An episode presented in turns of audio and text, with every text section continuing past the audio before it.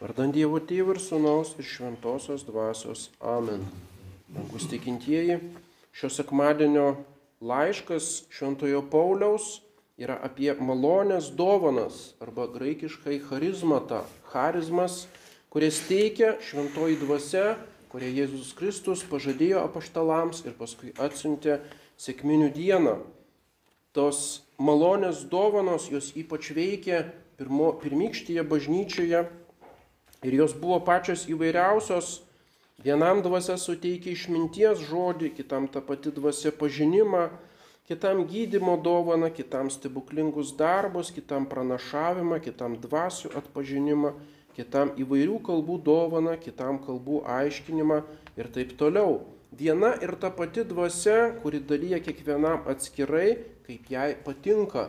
Paštalas Paulius pabrėžia, kad tai yra suvereni suverenus aktas šventosios dvasios, tai yra jo visiškai, jos visiškai nepelnyta dovana, kuri duodama bažnyčios tarnystėj. Tos charizmos arba ypatingos dovanos skiriamos ne asmeniniam pašventimui sielos, taip kaip mistinėme gyvenime įvairios mistinės dovanos, bet jos skirtos bažnyčios tarnavimui ir pagalbai bažnyčiai. Ir štai šiais laikais Tikriausiai nėra Naujame testamente teksto, kurio būtų taip labai piktnaudžiaujama kaip šituo skaitiniu. Tai yra grinai tas protestantiškas principas, paimu į rankas Naują testamentą, skaitau ir iš karto bandau pritaikyti savo. Aha, šventoji dvasia man buvo duota ir tada reiškia, taip kaip parašyta Biblijoje, reiškia visi gauname įvairiausias tas charizmas ir visi galime jomis naudotis. Ir tuo protestantišku principu, be, betarpiškų pritaikymų, mechaniškų e, savo situacijai, kažkokių švento rašto tekstų, jis yra pagrindas vadinamojo e, charizmatinio judėjimo arba sekmininkiško pentekostal e, judėjimo, būtent kuris įsiskverbė į katalikų bažnyčią. Taigi prisiminkite tuos e, tas ypatingas šventosios dvasios dovanas, ką jos reiškia ir kokie pavojai kyla, jeigu jas bandome savo vaizduotę, savo valios jėgomis ir iš kažkokios ideologijos savo pasisavinti. Viešpats Jėzus davė bažnyčiai viską, ko reikia sielų išganimui. Davė apreikštąją tiesą, bažnyčios hierarchiją, davė sakramentus, vėliau bažnyčia įsteigė sakramentalijas ir Dievas per visus tuos kanalus teikia savo malonės. Mes turim viską, kas reikalinga. Tai yra ordinarinės tokios įprastos išganimo priemonės. Ir jas turime pažinti, labiau už viską e vertinti ir uoliai jomis naudotis. Ar pažįstame tą apreikštąją tiesą, ar domime savo tikėjimu, ar iš tikrųjų vertiname sakramentus ir sakramentalijas, ar turime tą tikrą pagarbą bažnytiniai hierarchijai. Žinoma, Dievas nėra apribotas tomis įprastinėmis priemonėmis. Jis visuomet turi tokią suverenę galę imtis ypatingų, ekstraordinarinių priemonių, kad paskatintų sielas didesniam šventumui. Ir būtent tai buvo tokia situacija pirmykštyje bažnyčioje, kada tos ordinarinės priemonės dar nebuvo išvystytos, dar net nebuvo parašytas Naujasis testamentas. Dar nebuvo bažnyčios mokymas paskleistas, nebuvo dogmos paskelbtos.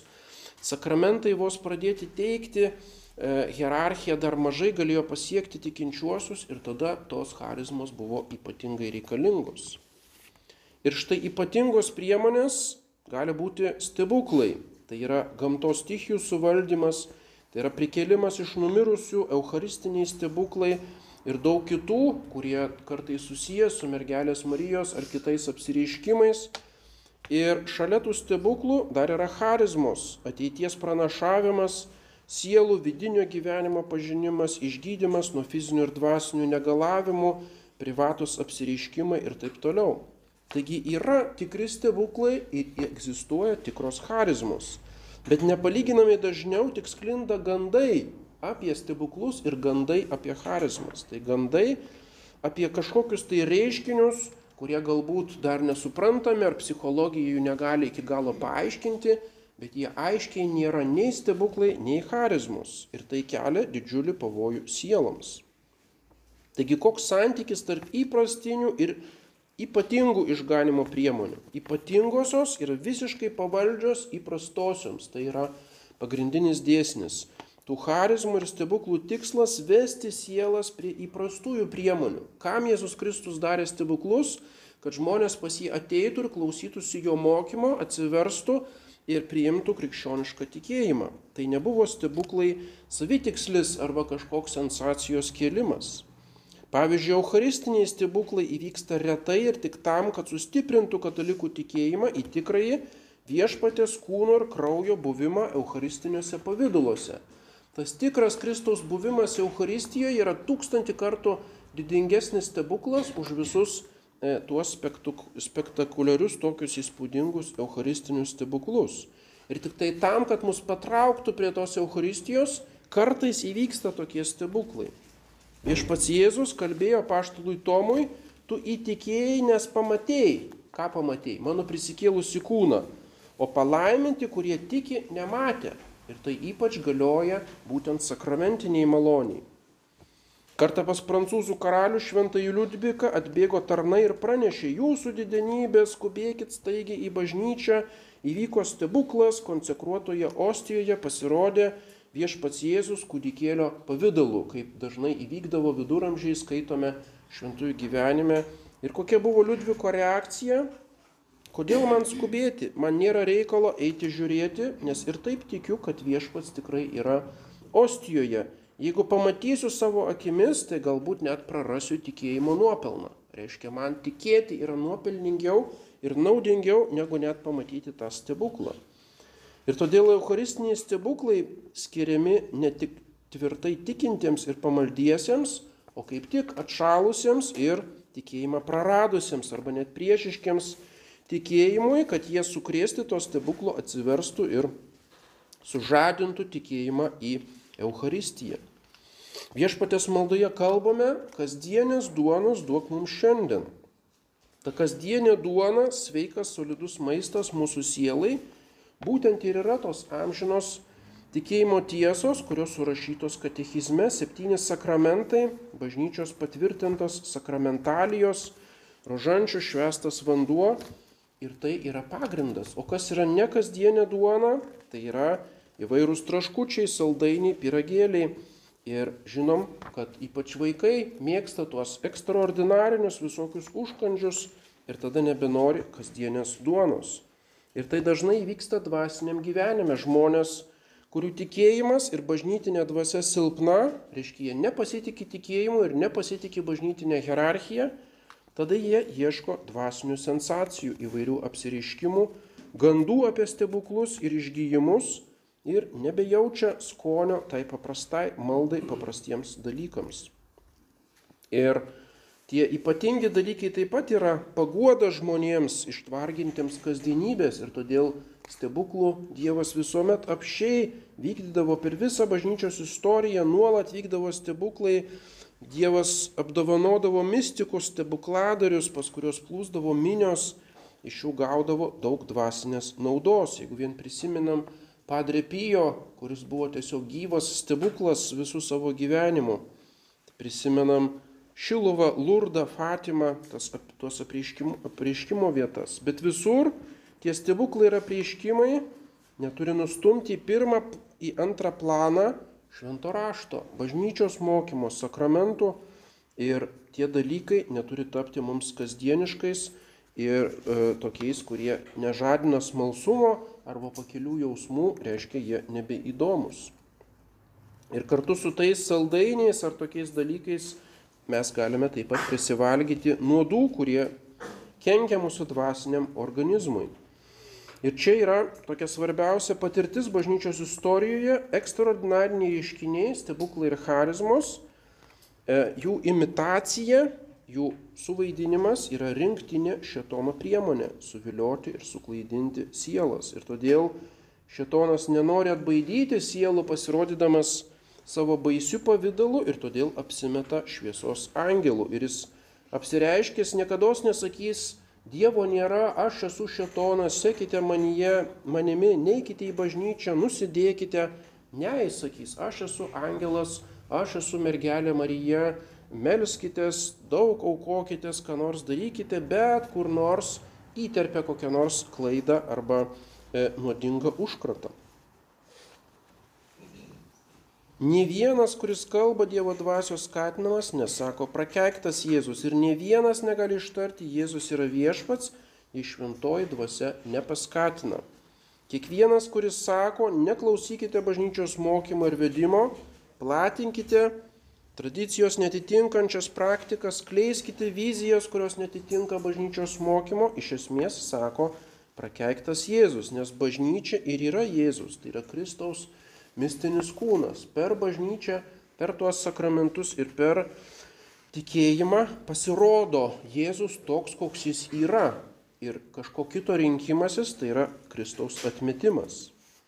Esminis principas yra toks, ne mes turime įrodinėti, kad koks nors žmogus, besiskelbintis pranašo ar stebukladariu toksai nėra, tačiau tas žmogus turi pateikti neginčiamų įrodymų, kad iš tiesų jis turi tokių ypatingų Dievo dovanų. Tai reiškia, įrodymo našta yra jo pusėje.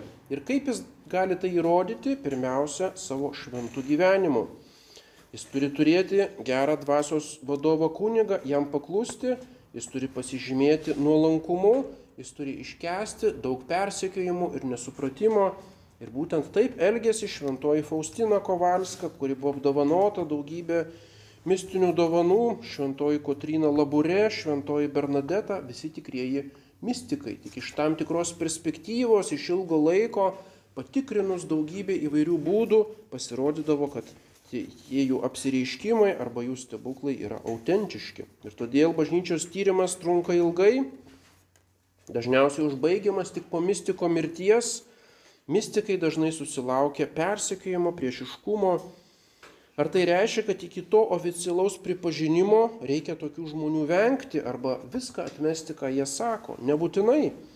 Gali būti, kad žmogus per visą gyvenimą bus net persekiojamas inkvizicijos ar persekiojamas bažnyčios, bet bus jis autentiškas mystikas ir tik vėliau jis bus pripažintas. Ir daugybė pamaldžių sielų jo seka ir daug pamaldžių sielų gauna naudos iš jos. Tačiau jau čia yra kiekvieno rizika. Jis turi naudoti sveikų protų ir ten turi naudotis tikėjimo dvasia, jis turi atpažinti tuos ženklus, ar iš tikrųjų galima pasitikėti tokią sielą. Jei kas nors kelbėsi, kad kasdien kalbasi su Jėzumi ir šventaisiais, kurie jam kalba kokias nors banalybės arba techninius klausimus ir paskui visą tai publikuoja internete, kiekvienas sveiko proto žmogus iškart pasakys, kad tai yra apsišaukėlis ir tam nereikia net kažkokio specialaus bažnyčios tyrimo. Toks žmogus turi atsiversti ir liautis tai daryti. Kitas kriterijus yra tikėjimo dvasia, vadinamas sensus fidei. Tai yra, jeigu nors vienas vienintelis punktas tose skelbimuose žinutėse netitinka bažnyčios mokymo ar teologų nuomonės, tai yra klaidingas. Pavyzdžiui, Lenkijoje yra pagarsėjęs kunigas Natanek, kuris buvo suspenduotas, nes rėmėsi būtent apsišaukėlės regėtojas pranešimais, kuriuose pilna akivaizdžių teologinių klaidų. Paštalas Paulius mini prietaringą praktiką tarp pirmųjų krikščionių krikštytis vietoj mirusiųjų, siekiant juos išgelbėti po mirties. Tokį, tokią praktiką skelbia mormonai. Jie liepia surašyti visus savo giminės, kurios tik atsimenė iki e, trečios, ketvirtos kartos tada nueiti į mormonų šventyklą ir juos visus krikštyje ir jie visi atsėti tampa po mirties mormonais.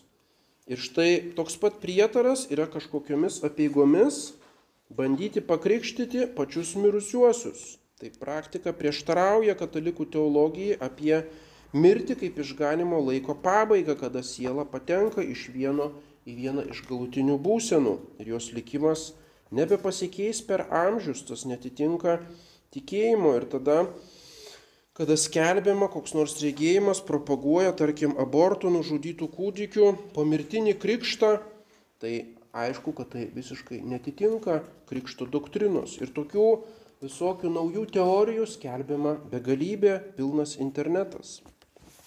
Trečias kriterijus yra bažnytinė dvasia. Jeigu bažnyčios vadovybė jau pareiškia nuomonę apie tokį žmogų, tada reikia tos nuomonės laikytis. Pavyzdžiui, Mostaro Bosnijoje vyskupas daug metų skelbė, kad nuodugniai ištyrė reiškinius Medžiugorijoje ir nustatė, kad tai nėra jokie tikri prieškimai, o maištaujančių charizmatikų pranciškonų suvedžiotų jaunuolių vizijos ir tie jaunuoliai tik tai praturtėjo iš to, prisipirko mašinų, pasistatė namus, siekiant finansinės naudos. Ir tada buvo uždraustos kelionės į šitą vietą. Ir ten toliau plūsta tūkstančiai žmonių. Ir dabar neseniai Šventasis sostas paskyrė vieną Lenkų vyskupą tokiu specialiu administratorium tos bažnyčios Medžiugorijoje. Ir neaišku, kuo baigsis, galbūt tai yra gera idėja, kad išnaudoti tą vietą, į kurią jau ir taip ateina daug žmonių, ir reiškia bandyti tiem žmonėms suteikti tam tikrą sveiką dvasingumą, nebeskelbintų visų apsireiškimų. Reiškia toks palaipsnis be konflikto transformavimas tos vietos į kažkokią normalią bažnyčią. Galbūt taip ir pavyks padaryti, galbūt tai yra toks kantrus bandymas veikti ir todėl skaitome internete, kad Vatikanas nebedraudžia tų kelionių į Medžiugorį. Bet tai būtent, kad kas nori gali važiuoti, bet būtent jau nebesusiję su tais apreiškimais. Tokia yra mintis. Bet ką mes žinome, galbūt bažnyčia pasiduos ir bus pripažintos tos pseudo apsireiškimai. Medį pažins iš vaisių.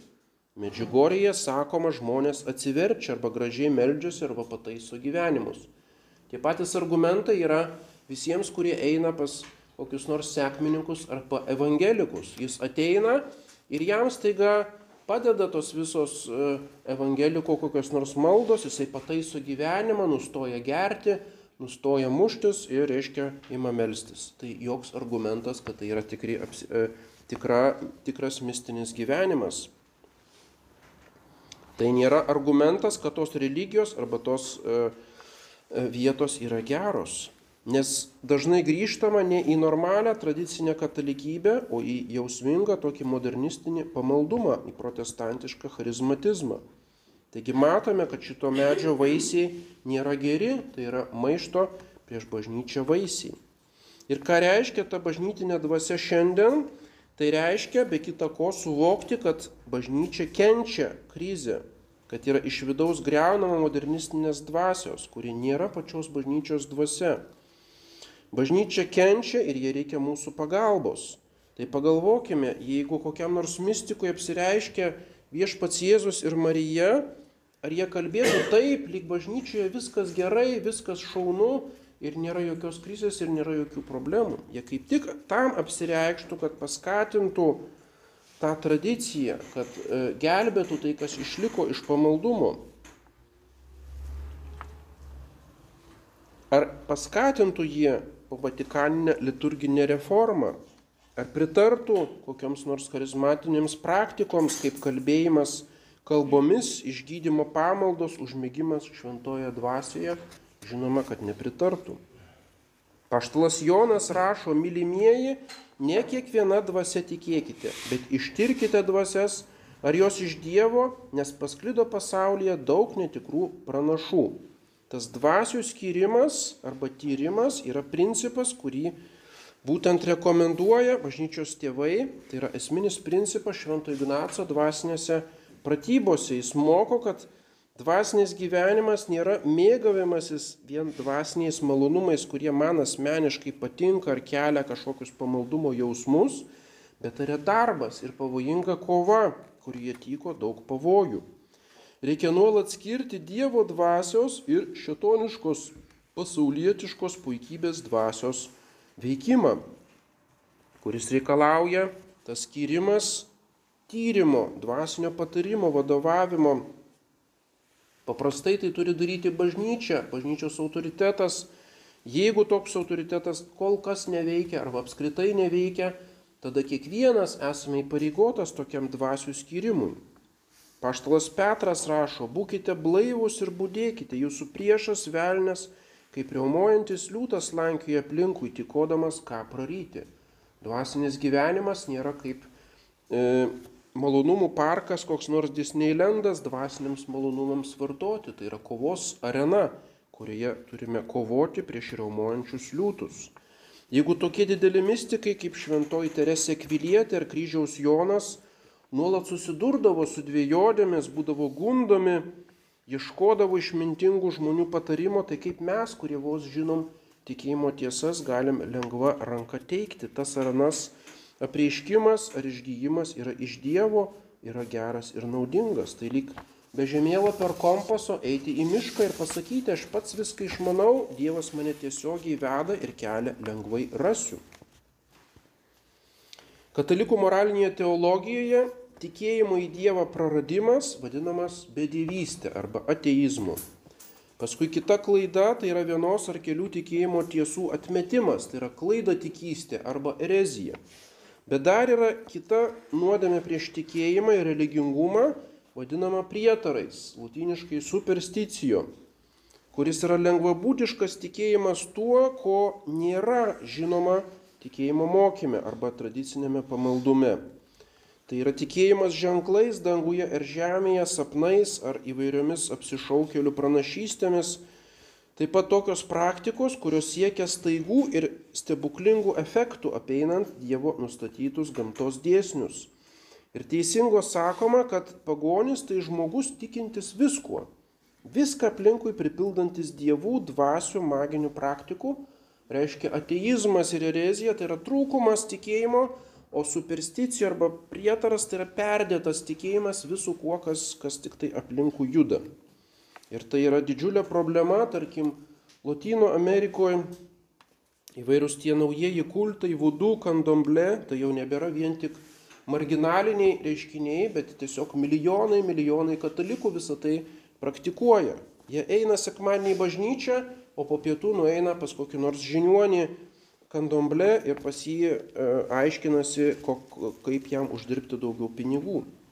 Ir mergelės Marijos šventųjų kultai, katalikiškos sakramentalijos yra sujungiamos su afrikietiškos kilmės spiritizmu. Ten pilna krucifiksų, pilna mergelės Marijos, Juozapo ir kitų statulų, visi meldžiasi rožančių ir visi, e, e, reiškia, praktikuoja, reiškia, tas praktikas, bet visa tai sujungiama su pagonybė. Ir aišku, kad misionieriai visais amžiais kovodavo su tais visais žiniuoniais, aiškintojais, e, užkalbėtojais ir raganiais. Ir 20-am amžiuje šitos pagonybės pagrindinis kleidėjas buvo vadinamas naujojo amžiaus arba New Age judėjimas, kuris tiesiog kolekcionavo visas įmanomas prietarų ir pritaringų praktikų rūšis iš įvairiausių tradicijų rytų ir vakarų Tarkim, Lietuvoje pagrindinė šventovė New Age, tai yra garsioji merkinės piramidė ir žmonėms atrodo nieko čia tokio, nuvažiuojam į kokią nors šventovę ten, liškiavos ir paskui nuvažiuojam šalia merkinės piramidė, pasisėmėm kokių nors dvasinių energijų. Tai yra visiškas supainiojimas tų dalykų. Taigi, turime atsižvelgti į tuos dvasinius pavojus, matyti, kad dvasinėme gyvenime jų daug tyko.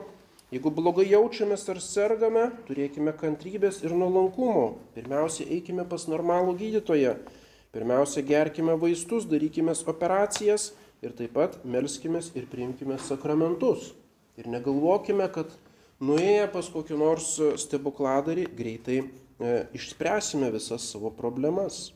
Negalvokim, kad aš esu ypatingas, ar viešpats Dievas turi man tuoj pat padaryti stebuklą, kai tik man pritrūksta kantrybės, ar kokiu nors, e, kokiu nors mokslo visiškai nepatvirtintais būdais, kurie dabar aplinkui klesti, jau du trešdaliai visos medicinos, tai yra visokios homeopatinės piliulės ir visokios kinietiškos ir akupunktūros ir visi šitie dalykai, kurie yra jau seniausiai įrodyta, kad tai yra visiški prietarai, jie yra susiję su maginėmis praktikomis. Tai yra kaip, kaip magija savo kūno atžvilgių, savo kūno panaudojimas e, kaip maginio instrumento. Ir jie susiję su klaidingomis pagoniškomis religijomis. Ir todėl neturime lengva ranka pasiduoti tiems, kurie patarė jomis naudotis arba klausyti tų reklamų, kuries, kurie jas reklamuoja. Taigi dvasinis anapusinis pasaulis yra didinga realybė, Jį reikia gerbti reikia skaityti su to pasaulio dėsniais. Ir jame yra pilna pavojų, kas lengvabūdiškai to nedaro, tas stipriai nukenčia ir paskui net turi kreiptis į egzorcist, egzorcistą. Ir todėl nežaiskime su ugnimi, verčiau susidomėkime įprastinėmis Dievo duotomis išsigelbėjimo priemonėmis. Imkime vidinės maldos, ne tik tai tų išorinių potyrių, bet pabandykime savais žodžiais pasimelsti, pakalbėti su Dievu. Gerai pasiruoškime sakramentams, išnaudokime tuos sakramentus, visą jų galę, gilinkime į tikėjimo žinias, prisiminkime tai, ką pamiršome ir visų tų užsiemimų mums užteks visam likusiam mūsų dvasiniam gyvenimui ir su jų pagalba tikrai pasieksime išganimą. Amen. Vardant Dievo Tėvų ir Sūnaus ir Šventosios Dvasios. Amen.